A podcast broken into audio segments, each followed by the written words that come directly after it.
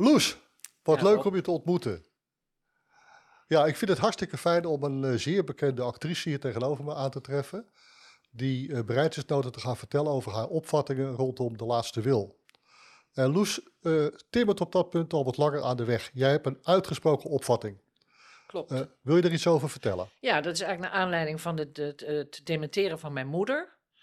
Die heeft 8,5 jaar gedementeerd. Ik vond het een mensonterende situatie. En ik heb daardoor gedacht, zo wil ik het absoluut niet. Ik wil het voor mezelf niet, maar ik wil het ook voor mijn kind niet. Dus eh, ik wil, als bij mij eh, de diagnose dementie zou worden geconstateerd, wil ik er zelf een eind aan maken.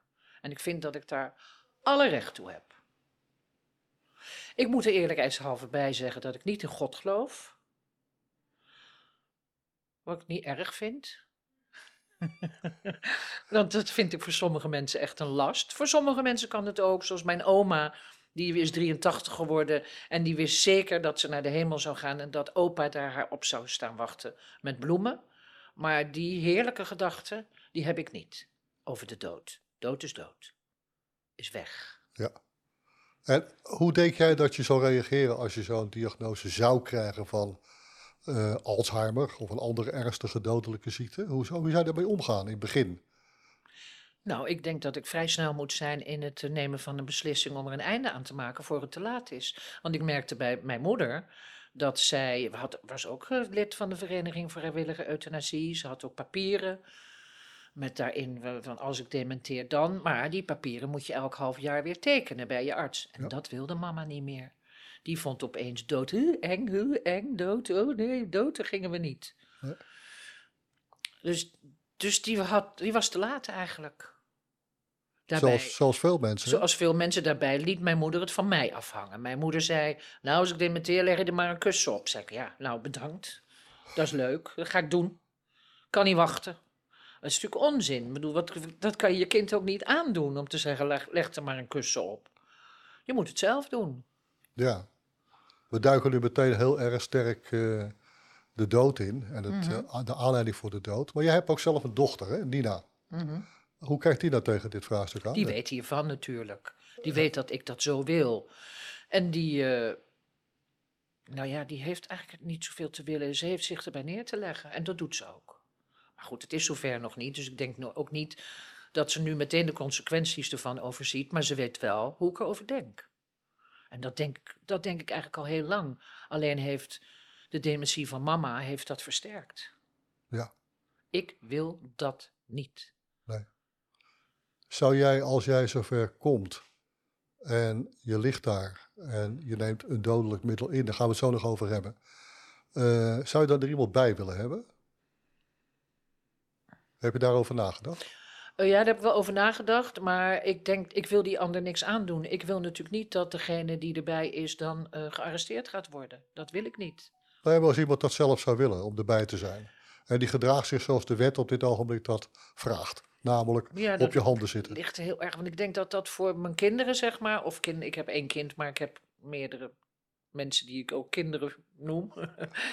ik denk dat dat te zwaar is Ja. voor een kind.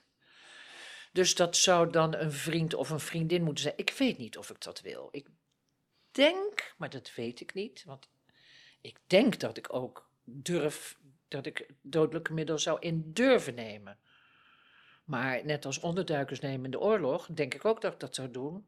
Maar je weet nooit wat voor situaties je voorkomt te staan, of je dat ook daadwerkelijk gaat doen. En dat is eigenlijk net als met die pil. Ik weet het niet. Nee. Het zal heel erg afhangen van het moment. Denk dat ik het alleen wil. Ja? Ja, Kun je dat opbrengen om die stap alleen te zetten? dat denk ik wel. Maar nogmaals, denk aan de onderduikers. Ja. Ik weet het niet zeker. Dat weet ik pas op moment suprême. Ja. En toen jij speelde hè, in Mountain Babs, de serie, waar trouwens denk ik half Nederland, zij het niet meer, ervan genoten heeft. eh, heeft dat toch voor jou ook nog iets extra's opgeleverd voor jouw gedachten rondom dit thema? Nou, het heeft eigenlijk alleen maar mijn eigen idee versterkt. Ja? Ja. In welke zin? Ik merkte bij, eh, bij de, vooral bij de tweede serie eigenlijk, hoe eenzaam je bent als je dementeert. Dat je aan een tafel zit met je familie, en in dit geval dan een gespeelde familie, en dat je niet meer weet wie die mensen zijn en dat je niet meer begrijpt waar ze het over hebben. Oh, en dan lachen ze en dan denk je zeker om mij. En ik heb, heb me daarbij gerealiseerd hoe eenzaam mijn moeder moet zijn geweest, maar ook hoe eenzaam dementie eigenlijk is. En hoe lelijk, wat een lelijke ziekte. Je kan natuurlijk nog andere ziektes krijgen, eh, kanker, nou ja, noem ze maar op, anything. Ik, het is niet dat ik bang ben voor het lijden. Het is niet dat ik bang ben voor pijn. Ik wil gewoon menswaardig sterven. Op mijn manier. Ja. Eh Hanneke en ik hadden, dat is mijn collega, hadden afgelopen week een gesprek met iemand die zei van ik vind dat lijden bij het leven hoort. Vind jij dat ook? Nou, ik kan wel zeggen nee, maar ik heb al genoeg, ik heb al genoeg eh, dondermokerslagen om de oren gekregen. Ja, dat hoort erbij, maar het ligt eraan wat voor lijden. Ik bedoel, dementielijden, dat is, dat is geen leven. Dat is geen leven. Met andere woorden, als je zou kunnen ontwijken, dan wil je het ontwijken. Ja, maar het gaat me niet zozeer om het ontwijken. Ik ben niet, ba ik ben niet bang voor dingen. Ik, ben, eh, ik wil alleen niet zo mensonwaardig doodgaan. Dat wil ik niet. Wat vind je dan van de huidige wet? Ja, dat vind ik moeilijk, want die- da- daar mag het niet van. En ik vind dat iedereen recht heeft op, zijn, op de regie van zijn eigen dood. Nou, je mag wel zelf kiezen voor je dood. Hè? Je mag ook eh, komen tot zelfdoding in Nederland, maar je Ja. mag er geen hulp bij krijgen. Althans, de hulp die je krijgt is mogelijk strafbaar. Ja, En dat is het verschil. Met Ja. andere woorden, als jij die keuze zou gaan maken en er zou iemand bij zijn, dan loopt die persoon kans op vervolgd te worden. ik weet het. En eh, als jij die stap zou gaan zetten, dan zeg je dan moet ik snel zijn. Wil dat zeggen dat je nu geen middelen in huis hebt daarvoor? Ik heb het in huis, ja. Je hebt het in huis. Ja. Dus snel zijn wil zeggen van je pakt het uit de, van de plek waar je het hebt liggen. En je gaat op bed liggen, je deed een glas water, je, je, rommelt, je, rommelt die spullen erin. Je roert een beetje, je drinkt het op en eh, klaar is Kees. Ja. Is dat zo'n beetje kort samengevat wat er gaat ja, dat lijkt gebeuren? mij wel, ja. Ja, ja, maar er zit natuurlijk ook een heleboel omheen. Hè? Je hebt een dochter, die wil je informeren. Die zal ik informeren. Je hebt eh, collega's of vrienden waar je toch ook wel even... Nou, ik weet niet of ik die nou ga informeren. Niet iedereen bellen. Nee, Hey, jongens, hoi. Hoi, met Loes. Nou, eh, tot nooit meer. Dat ga ik denk ik niet doen. Dat ga je niet doen. Nee, nee, nee, nee, nee. Nee, zijn er wel maar ik denk dat de meeste mensen om mij heen, mijn, mijn dichte eh, vrienden en kennissenkringen, mijn familie, die weten dit. Ja. En die zou je bellen of niet? Nou, die zou ik spreken. Of een appje sturen? Nou, morgen is het zover. Nou, nou, dat weet ik niet. Ik hoef niet, het, hoeft, het, is, het is geen toneelstuk. Hè? Ik heb al genoeg voor publiek opgetreden. Dus het hoeft niet. Nee. nee, dat is net als met je bevalling. Daar wil je misschien één vriend of, of, of vriendin bij. Maar niet een hele, een hele zaal vol. ik wil ook niet begraven worden en opgesteld worden in Carré bijvoorbeeld. No way. Nee. Nee.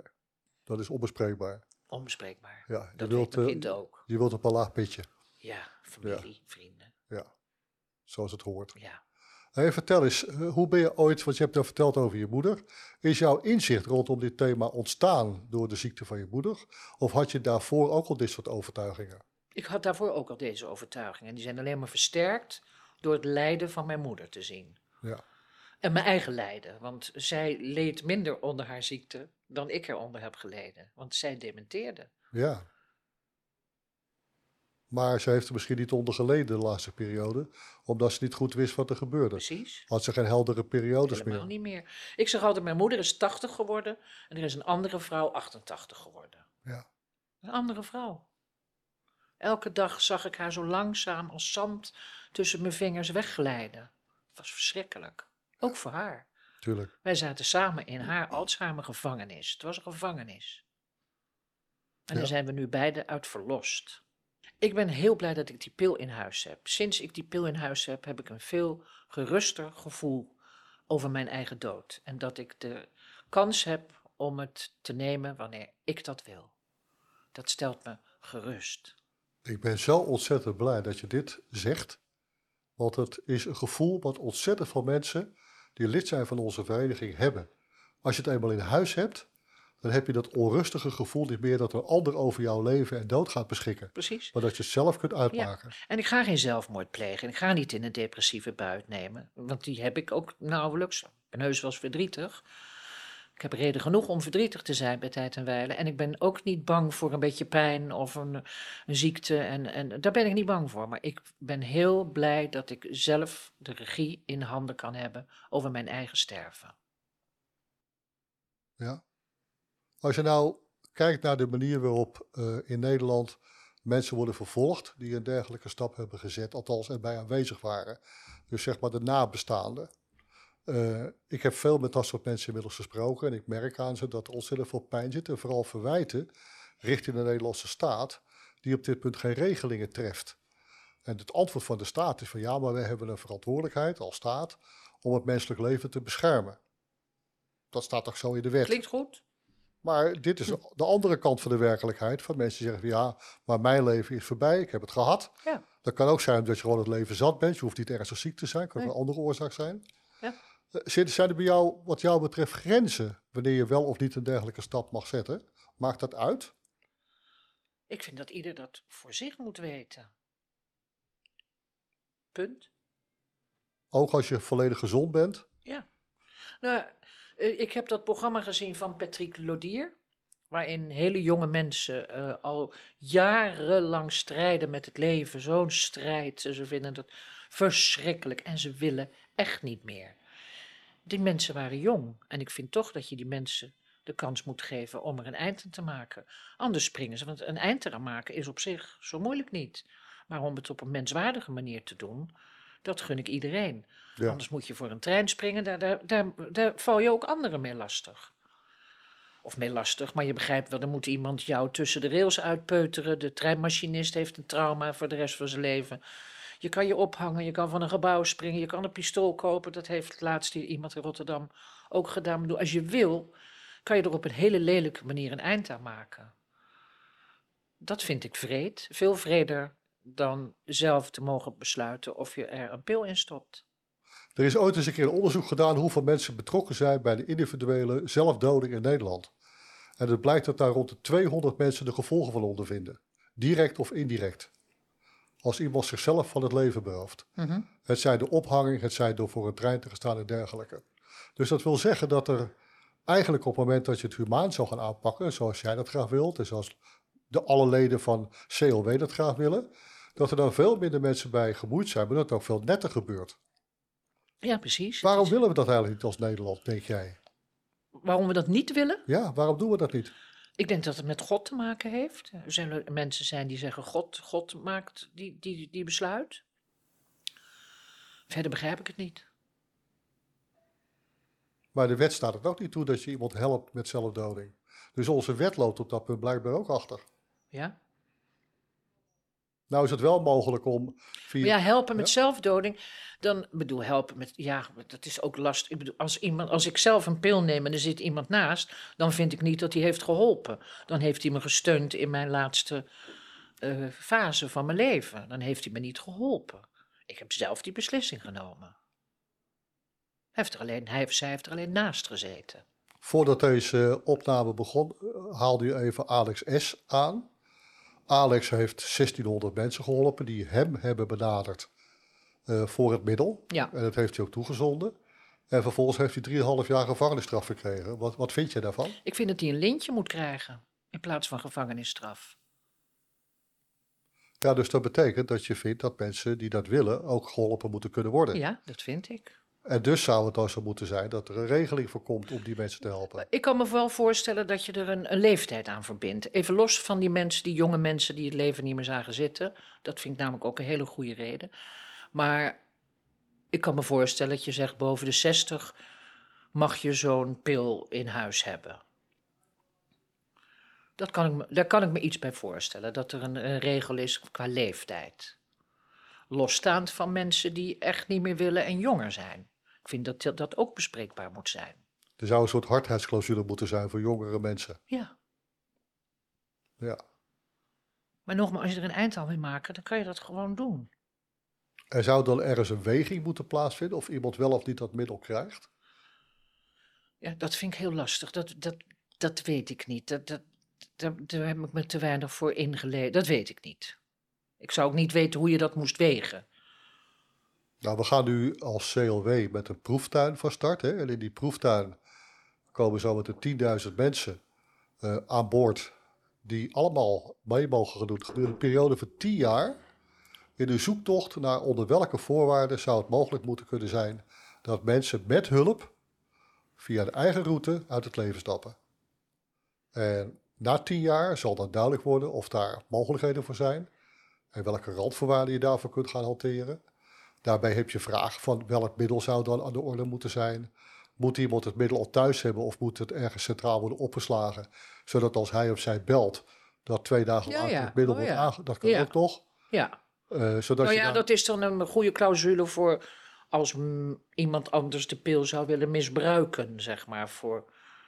Maar nogmaals, als je iemand dood wil, dan kan je, dan ook pistool kopen. Dat schijnt helemaal niet Nou, moeilijk te gaat zijn. een blok en je haalt een mes. Ja. Dat is ook niet zo moeilijk. Ja, Dus doodmaken kan altijd. ja. Het gaat erom of, of je de middel bij de hand hebt wat op dat punt makkelijk misbruiken worden. Want alle middelen ja kun je zich is dat misbruiken. wel een goeie, dat je dat ergens... Dus bij de, de dokter bijvoorbeeld, bij je arts. Ja, Ja, dat kan ik me iets bij voorstellen. of bij de apotheek. Of bij de apotheek, ja. Maar dan heb je Ja. weer het risico dat je naar je dokter moet. En we proberen juist een situatie te creëren dat het buiten de medische sector gaat vallen. Dat mensen zelf, waar we het net over hadden, de keuze kunnen maken om uit het leven te stappen. Zonder dat de dokter daar invloed op uitoefent. Of zou die dokter het dan gewoon moeten geven, denk ja, jij? die je dokter zou het belt, gewoon moeten geven. je moet het nu al begeven. Ja, En als die dokter zegt, ja, maar je bent gezond en eh, ik vind dat niet zo verstandig, dan moet jij degene kunnen zijn die zegt van ja, dat is voor jou Ik jammer, het- ja, dat is jammer voor jou, ja. Ja, maar ja. ik, ik doe het toch. ja. Nou ja, het zou dan ondergebracht moeten worden bij artsen of apothekers die, eh, die het ermee eens zijn. Je moet, dat- er moet niet bij mensen zijn dat je ook nog eens een keer eh, moet gaan, dat, je gaat, dat ze gaan tegenstribbelen, zeg maar. Tuurlijk kan je zeggen, weet je het zeker. Tuurlijk kan je met iemand praten. Nou is het zo dat de meeste mensen die eh, een dergelijke gedachte hebben, er vaak al jarenlang over hebben nagedacht aan de voorkant. Daar gaan soms jaren overheen voordat men daadwerkelijk zet en nu is het zover. Ja, En op het moment dat je dan een wachttijd gaat inbouwen, wordt dat gezien als straf. Net als trouwens met abortus het geval was. Hè? Was er ook een wachttijd. Terwijl die vrouwen waar het om ging, die hadden er al heel diep over ik nagedacht. Ja. En die zaten met een enorme afwegingsproblematiek daardoor. ja, Dus op het moment dat we op dit punt een wachttijd gaan inbouwen, heb je hetzelfde. ik heb het niet over een wachttijd hoor. Nee, maar stel je voor Ja. dat... er- Ja. Ja, als we het bij een dokter leggen, dan komt het de volgende dag bij je binnen bijvoorbeeld, of toch dezelfde dag. Je kunt ook zo meteen in de regeling aantreffen dat mensen zeggen, ja, maar je moet twee weken wachttijd hebben. Zou dat bespreekbaar zijn, denk jij? Het ligt aan de situatie, wa- wat, wat die twee weken met je kunnen doen. Het ligt aan de ziekte, aan... eh, Dat, dat zal ook voor iedereen anders zijn. Ik kan me er wel iets bij voorstellen, dat je, dat je iemand, tegen iemand zegt, wacht er nog even twee weken mee. Twee weken. En als die persoon dan zegt van, ja, dat vind jij, maar dat vind ik niet, ik wil nu. Ja, ik, ik zeg geven, maar goed, als er een clausule is van twee weken, ja, dan moet hij twee weken eerder bedenken. Nou, over twee weken heb ik er echt geen zin meer in. Ja, ja, Dat maakt het lastig. ja. Met andere woorden, zo'n proeftuin is Ik ben blij bedoeld. met die proeftuin. Laat ze maar kijken wat, eh, over inderdaad artsen, apothekers, wachttijden, wel, niet, leeftijd, dat weet ik niet. Eh, je bent nu bij de 70, eh, bij de opname die we nu hebben met elkaar. Eh, zometeen ben je 75, ben je 80 en er komt een moment dat het een onvermijdelijkheid begint te worden. Want voor iedereen is het onvermijdelijk dat het gaat gebeuren. Ja, Eh, denk jij dat het ook nog eens zou kunnen gebeuren als je zegt van nou, het gaat mij niet om een ziekte die ik heb, of die ik in het vooruitzicht heb. Ik wil er gewoon mee stoppen. ik ben vrij levenslustig. Maar ik weet niet wat ik krijg. Ga ik nog, weet ik veel, misschien, eh, ja, ik weet het niet. Je kan allemaal gekke ziektes krijgen. Maar kun je je wel voorstellen dat er mensen zijn die zeggen ik heb niks, maar ik wil wel dood? Absoluut. Nou, ik, ik heb niks, ik wil wel dood. Ja, dat kan ik me ook voorstellen. Ik kan me voorstellen dat al je vrienden overleden zijn en dat je er geen ene klote meer aan vindt. Daar kan ik me wel iets bij voorstellen. Ja, Ja. ook dat mag je zelf weten. Dus jij bent wel heel erg liberaal op dit punt. Ik wel. Of was Ja. iedereen het maar. Ja, nou wat, wat denk ik eh, in Nederland van belang is, want we zijn een redelijk conservatief landje, als je dat goed beschouwen, dat er ongetwijfeld mensen zijn die vanuit religieuze overweging of vanuit een andere levensvisie de opvatting hebben van nee, ik wil het volledig doormaken het leven met het lijden wat erbij hoort door een ziekte of anderszins, totdat ik daadwerkelijk dood ben. Dat mogen die mensen allemaal lekker zelf weten. Nou, dat is ook precies de opvatting die de CLW heeft. ja. Door te zeggen van iedereen mag zijn eigen route Tuurlijk. kiezen. Maar geeft dan ook de ruimte aan de mensen die zeggen van ik wil ermee stoppen. Ja. Om die punt erachter te kunnen gaan zetten. ja, Daar gaat het om uiteindelijk. ja, Daar ben jij pleitbezorger voor de doelen van CLW. ik weet het. Eh, Daarom ben ik er ook lid van. Ja, sinds wanneer ben je lid? Oh, weet ik veel. Ben je al Paar lang jaar. lid? paar jaar, Een paar jaar. ja. Maar je bent wel een uitgesproken Het komt ach, allemaal door mama. Dat heeft allemaal versneld. Het, allemaal, allemaal van die dingen dat je denkt... ik moet dus een euthanasieverklaring maken. Ik moet eens een keer lid worden van, de, van de, jullie, jullie coöperatie. En mama heeft dat allemaal vers- in werking gezet eigenlijk. Haar ziekte. Ja, dat snap ik. Zijn er nou nog dingen die jij kwijt wil die ik niet heb gevraagd?